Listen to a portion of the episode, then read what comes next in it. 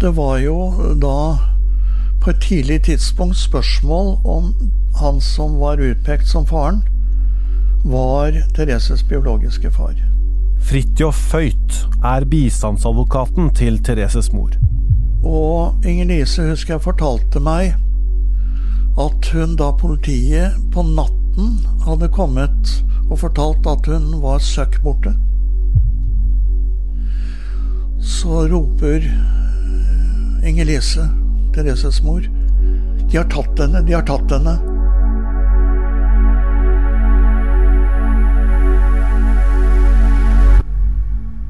Du hører på tredje episode av Uløst.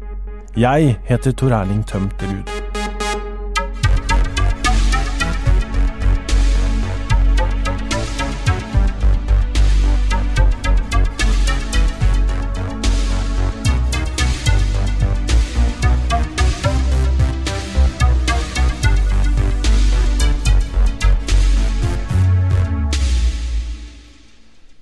Therese Johannessen forsvant søndag den 3. juli i 1988.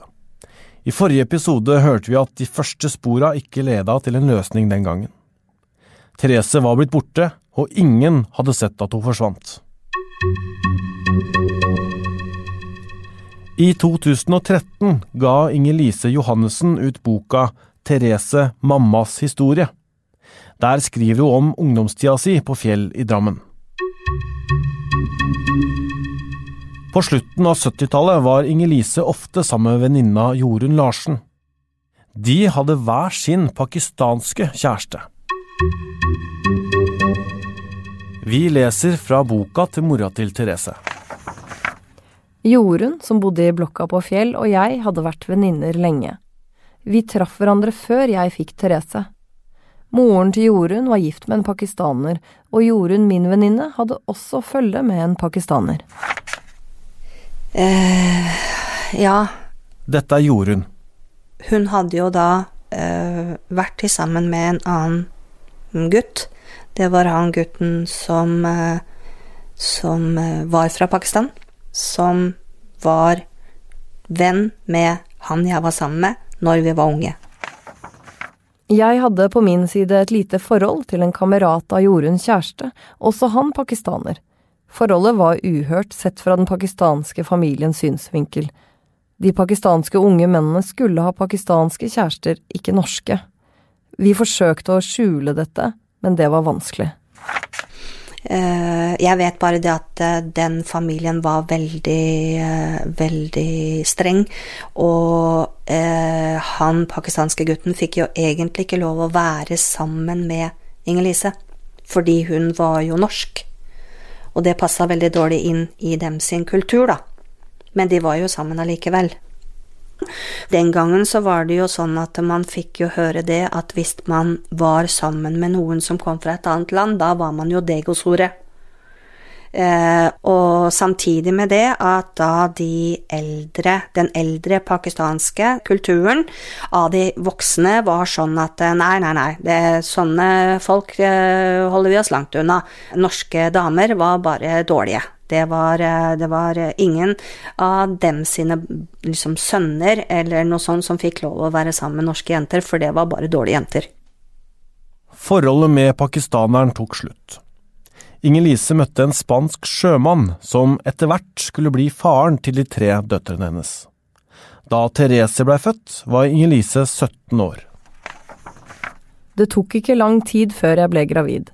Jeg vet at han er faren til Therese, men det var kanskje ikke alle som trodde det.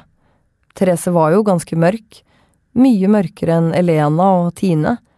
Døtrene mine har kommentert det selv også, at Therese så litt annerledes ut enn dem. Therese hadde svart hår og kraftige øyenbryn. Den pakistanske familien til ekskjæresten min kan jo ha trodd at Therese var datteren hans. Det var vel der det på en måte starta. Eh, kanskje han hadde tatt det. Han pakistanske gutten som hun da var sammen med den gangen. Og kanskje han trodde at han var far, og at eh, han da eh, ville ta henne. For han bodde jo også ikke så veldig langt unna oss, på Fjell, i en blokk, han også. Vi har snakka med han pakistaneren. Da vi ringte, så skjønte han ikke hvorfor vi var interessert i det, og at det dessuten var veldig lenge siden. Og det er jo et godt poeng. Hvorfor skal vi dra opp igjen disse gamle ryktene? Det må være vanskelig, både for han og Inger-Lise, når så private detaljer prates om. Vi velger å ta det med her. Uten å vite om bakgrunn blir det vanskelig å forstå hvorfor politiet etter hvert la ned så mye arbeid i pakistanerprosjektet. Ryktene og spekulasjonene blei noe politiet måtte ta tak i og undersøke nærmere. Det tvang seg nærmest fram, så lenge et, en sånn vinkling ikke var undersøkt nærmere. John Ottersen i Drammenspolitiet blei tidlig klar over ryktene om at det kanskje var pakistaneren som kunne være den biologiske faren til Therese. Og litt sånn, nesten litt sånn konspirasjonsteori om at han eller familien hans hadde kidnappa Therese og tatt henne med seg til Pakistan. Og jeg husker vi brukte mye tid på å forstå hvordan tenker pakistanere, hvis vi forutsetter at det er tilfellet. Og da gjorde vi det sånn at vi måtte få tak i pakistanere for, i miljøet. Altså få de til å forklare litt. Fortelle oss hvordan er det. Og de mente at det Sånn tenkte de. Det var ikke forenlig med deres verdier som å vokse opp på fjell eh, under sånne omstendigheter. Det, som det var der til tider. Det var jo uh, noen forhold som gjorde at uh, de mente at det var ikke bra og så var det litt dette her med, med Men hvis, hvis, de har tatt Therese, så er det ikke for å ta livet av henne. Nei, det var det jo ikke. Selvfølgelig ikke. Det var jo for å på en måte redde henne i gåsetegn da, fra eh, en oppvekst som de ikke ville at hun skulle ha. Sånn ble det fremstilt. Eh, så den, den, det potensialet som lå i at hun kunne være kidnappet av denne eh, mannen, da, eller familien hans, det absolutte stedet.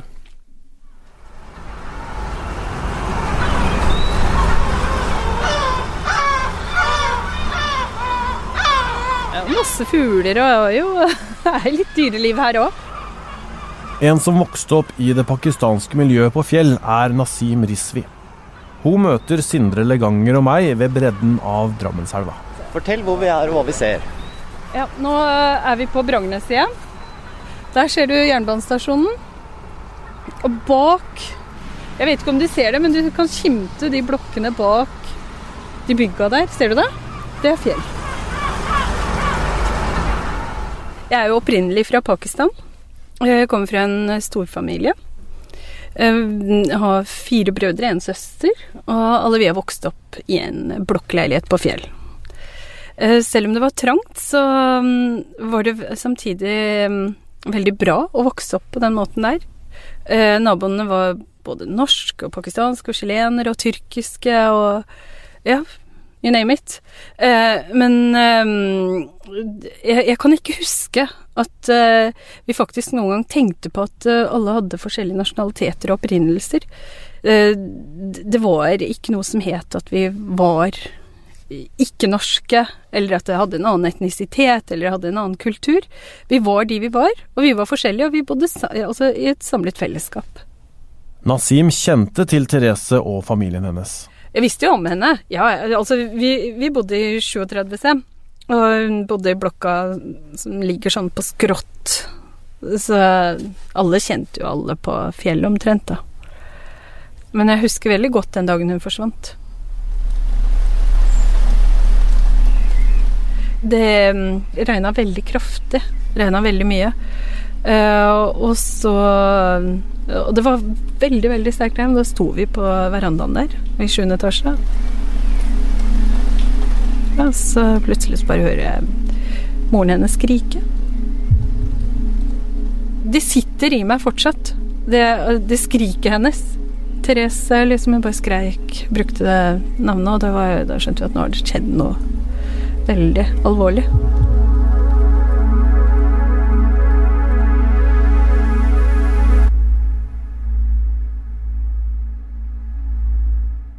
Også det pakistanske miljøet fikk med seg ryktene som gikk om Therese.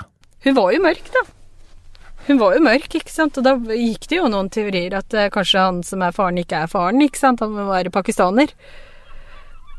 Så det var jo sånn. Det var jo, folk begynte å snakke at han er pakistaner, og han er sikkert tatt med en, og, at det er kanskje de siden de, de, Man må jo ha en skyldig.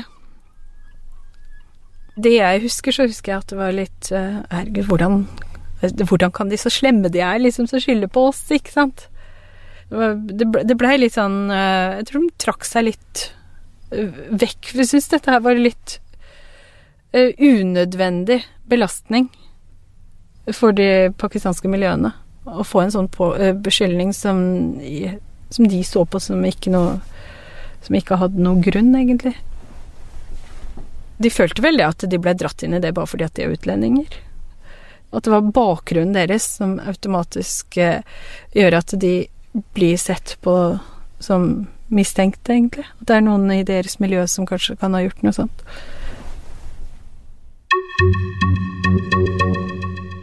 Så husker jeg politiet var veldig interessert i dette sporet i begynnelsen. Dette er Fridtjof Føyt, han som er bistandsadvokaten til Thereses mor. Så de gikk løs på eh, et pakistansk-norsk miljø i Drammensområdet. Og da husker jeg enda en person som fortalte at uh, hvis det var sånn at vedkommende var faren, så hadde familien plikt til å ta Therese med til Pakistan og sørge for at hun da fikk eh, oppdragelse i muslimsk pakistansk ånd. Eh, og det var en plikt for dem. Og så husker jeg eh, hun som ble intervjuet her, sa også at og i så fall ville han som var da mulig far, han ville da ha et fullgodt alibi. Politiet kaller inn pakistaneren til flere avhør. Der forteller han at den helga Therese forsvant, holder han på med å flytte til Oslo. Han sier han får hjelp av familie og venner, og søndag kveld er han observert av flere forskjellige. Politiet konkluderer med at han ikke var på Fjell da Therese ble borte. Så akkurat på det aktuelle tidspunkt hadde han et fullgodt alibi. Nå sier jeg ikke at det er han som står bak, jeg bare sier det er et av sporene politiet fulgte.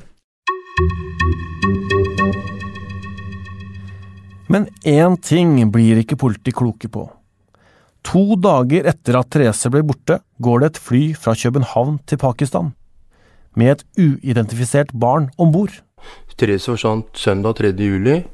Tirsdag 5. juli så var det en flyvning fra København.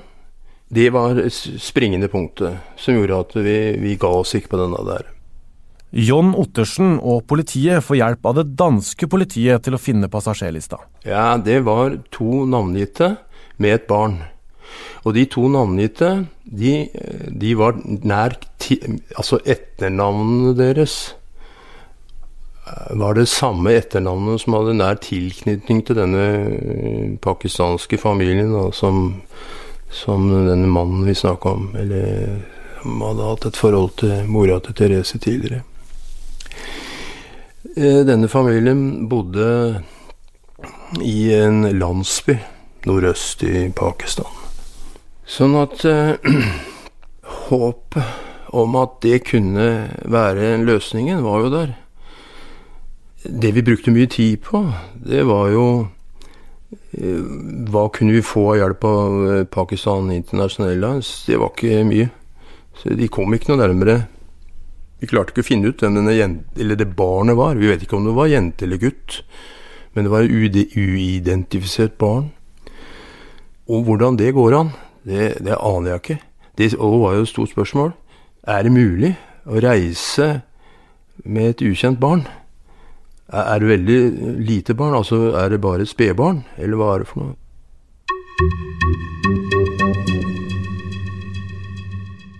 I det første året etter Therese forsvant, jobba politiet mest med andre spor. Men John Ottersen klarte ikke slippe Pakistan helt. Men det ble ikke sett på som interessant av ledelsen. Det er ledelsen som bestemmer. Sånn er det. Eh, Så vi som var eh, veldig sånn engasjert i saken, det var nesten sånn at vi, vi, vi var veldig pågående for å starte og gjøre ferdig det prosjektet. Så jeg tror at den, den aktiviteten vi la for dagen overfor disse lederne våre, gjorde at de sa ok. Så vi beslutta at vi skulle til det området hvor denne pakistanske mannen og familien kom fra.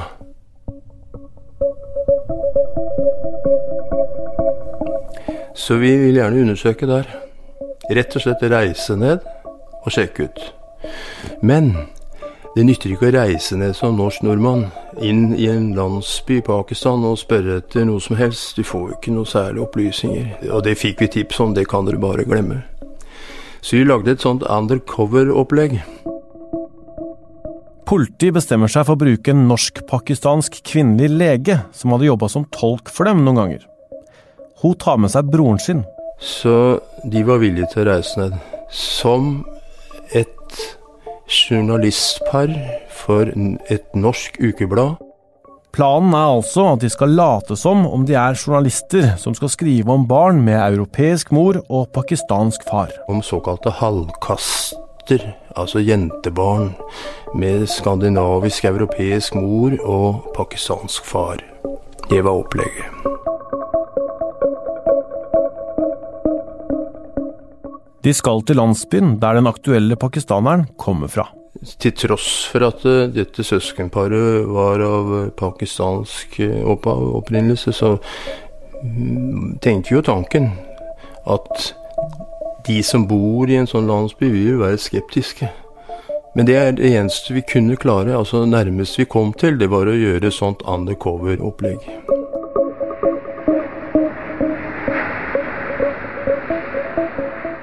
Søskenparet er i Pakistan i flere uker.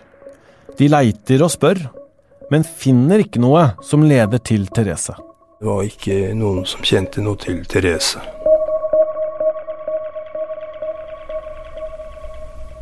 Etter de to hadde vært i Pakistan Ja. og kom hjem, Ja. hvordan så dere på Pakistan-prosjektet da? Vi la det bare ned. Vi, vi fant ikke noe grunn til å, å fortsette med det da. Vi fikk ikke noen andre impulser som gjorde at vi kunne se noe fornuftige valg å ta da, altså. Og det fikk vi heller ikke anledning til. Da ble det satt stopp. Men fikk dere tak i de to som hadde flydd? Og snakka med dem? Du stiller et veldig godt spørsmål. Det, det er en del bruddstykker for meg.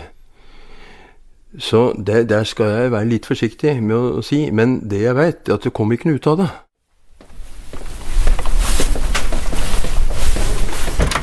På politistasjonen i Drammen viser John Ottersen vei til arkivet. Vi har avtalt å møtes her for å se om vi kan finne den gamle passasjerlista for flyturen til Pakistan. Se her, ja. Arkivrommet er drøye 30 meter langt, og hyllene er sånn at du må flytte på dem for å få tilgang til dokumentene. Det er noen tusen dokumenter som står her. Ja. Tidligere Therese-etterforsker Håkon Grøtland er også med. Her eh, står alt av saker, av dommer fra politiet og fra namsmannen. Det ligger mange skjebner i, i hyllene her. Håkon går bort til en av reolene og begynner å sveive på et hjul. Sveive, det er manuelt, det er ikke elektronisk. Eh, Selv om eh, huset ikke er mer enn 20 år gammelt. Mange hyller dukker opp med pappeskene fra Therese-saken. Dette er Therese-saken, alt du ser her. John Ottersen henter fram én av eskene. Dette er pakistanersporet. Så Så her er det jo da avhør av en av eh, disse. Blant annet han eh, pakistaneren som gikk rykter på fjell var far til Therese. Esken er full av ark. John begynner å leite. Men den lista Da politiet undersøkte passasjerlista for første gang, så de at noen av navna på den var like familienavnet til folk i slekta til den aktuelle pakistaneren. Bortføring Det er jeg som har skrevet. Jeg husker ikke alt jeg drev med. Det er jo håpløst. Seinere fant de ut at navna var så vanlige i Pakistan at bare om bord dette flyet var det flere som het det samme. Se. Den lista den skulle jo være helt til slutt, den. Under her. Det kan, det, kan ligge her, eller? Passasjerliste. Her, ja. Her, vet du. Her er du så mm. Du er journalist, du, vet du. Ja, jeg skal være journalist. Her er den. John blar seg gjennom arka med navn. Det må være den uh, flighten hvor du har en Mrs. Og så er det et eller annet her, og en, et barn. Jeg kan ikke huske at vi klarte å identifisere hvem dette her var. Ifølge Ottersen klarte aldri politiet å få tak i dem som hadde flydd til Pakistan denne dagen. Og de fant heller ikke ut hvem det uidentifiserte barnet var. Men det blir liksom Men hva så, for vår del? Vi dro uansett. Fordi det, det her er et barn som vi ikke vet hvem er, med på den flyvningen. Du ser ut fra lista.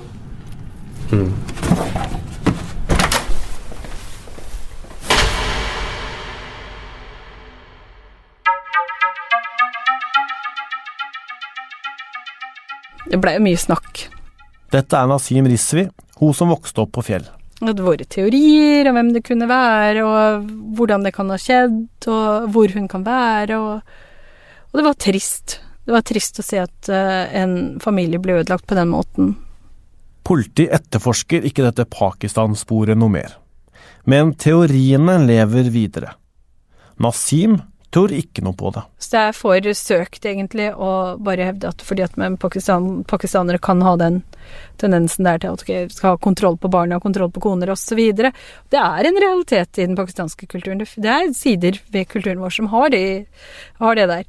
Men allikevel så er én ting er å ha de holdningene, og en annen ting er å gjøre noe så dramatisk som det der. Det, det skal mye til tror jeg. Vi mener jo at eh, det kanskje er det mest interessante sporet her. Advokat Fridtjof Høyt.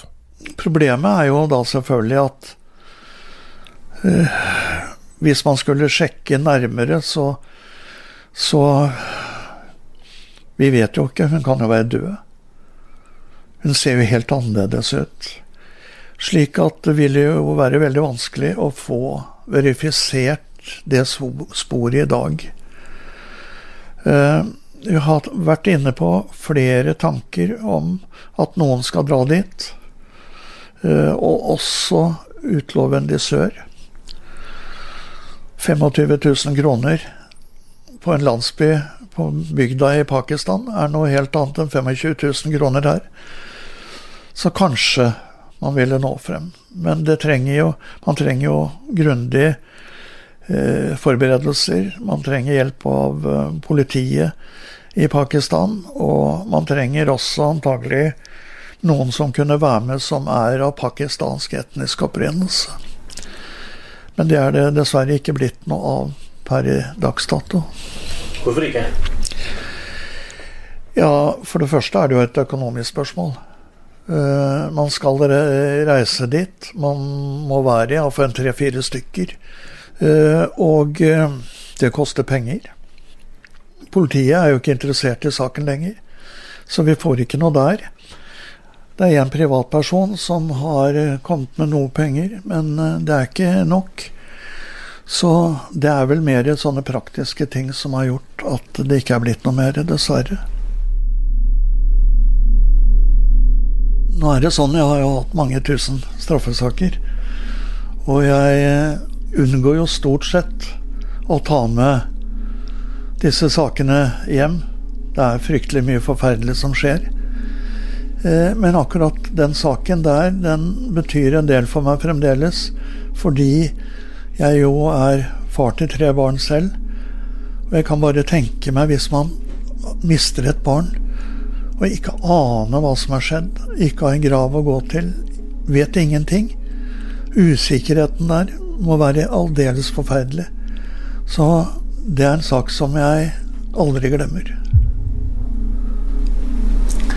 Ja, på, på grunn av det, har du, har du liksom tenkt at eh, ok eh, den Pakistan-turen Jeg må virkelig gjøre absolutt alt jeg kan selv for å, for å få det i stand. Liksom, har, har, du tenkt at eh, ok, du mangler 200 000. Ja. Jeg legger ut de 200 000, liksom. Ja. Har, har du vært inne på tanken liksom, for å få det sjekka? Få det gjort? Jeg, jeg føler at man bør være et team, og man bør ha en viss støtte fra det offentlige, bl.a. for å få samarbeide med pakistansk politi. Jeg tror Skal man ha muligheter for å oppnå noe som helst, så må man ha politiet der nede med seg. Og da må det være en eller annen offisiell henvendelse fra Norge. Jeg tror man er helt avhengig av det.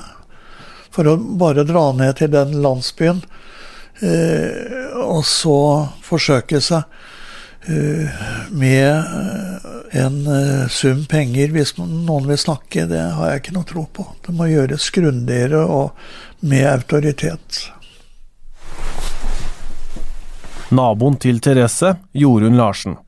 Det, det, har jo vært en teori at uh, Therese er i live i Pakistan. Ja. Fortell om hva du tenker om det. Det snakka jeg og dattera mi om seinest rett før du kom i dag. Uh, det kan hende. Altså Som jeg sier, så man er, Saken er jo ikke oppklart, så hun kan jo være hvor som helst i verden.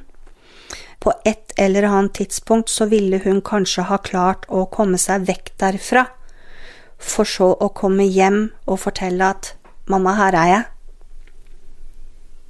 Det er, det er, det er mine tanker, da, så lenge hun ikke er funnet så kommer jeg aldri til å gi opp håpet med tanken på det at hun skal komme igjen til mammaen sin. I boka si skriver mora til Therese at det hun håper mest på, er at Therese fortsatt lever.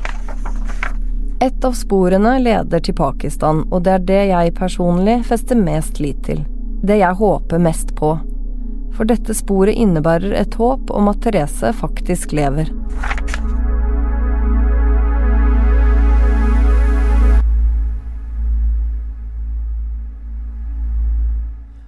To år etter at Therese ble borte, la politiet bort Pakistan-sporet. Det var heller ingen andre spor John Ottersen og politiet kunne jobbe mer med.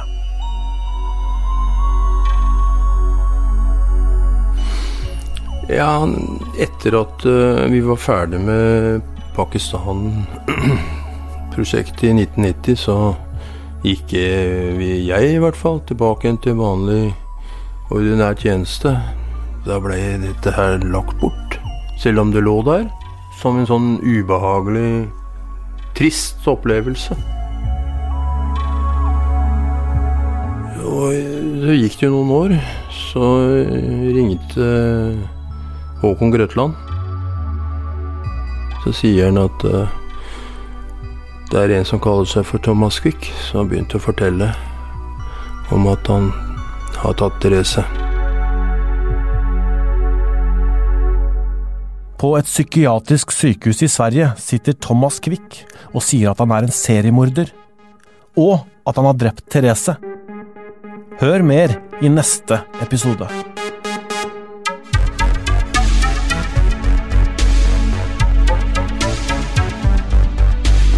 Uløst lages av VG og Rubicon.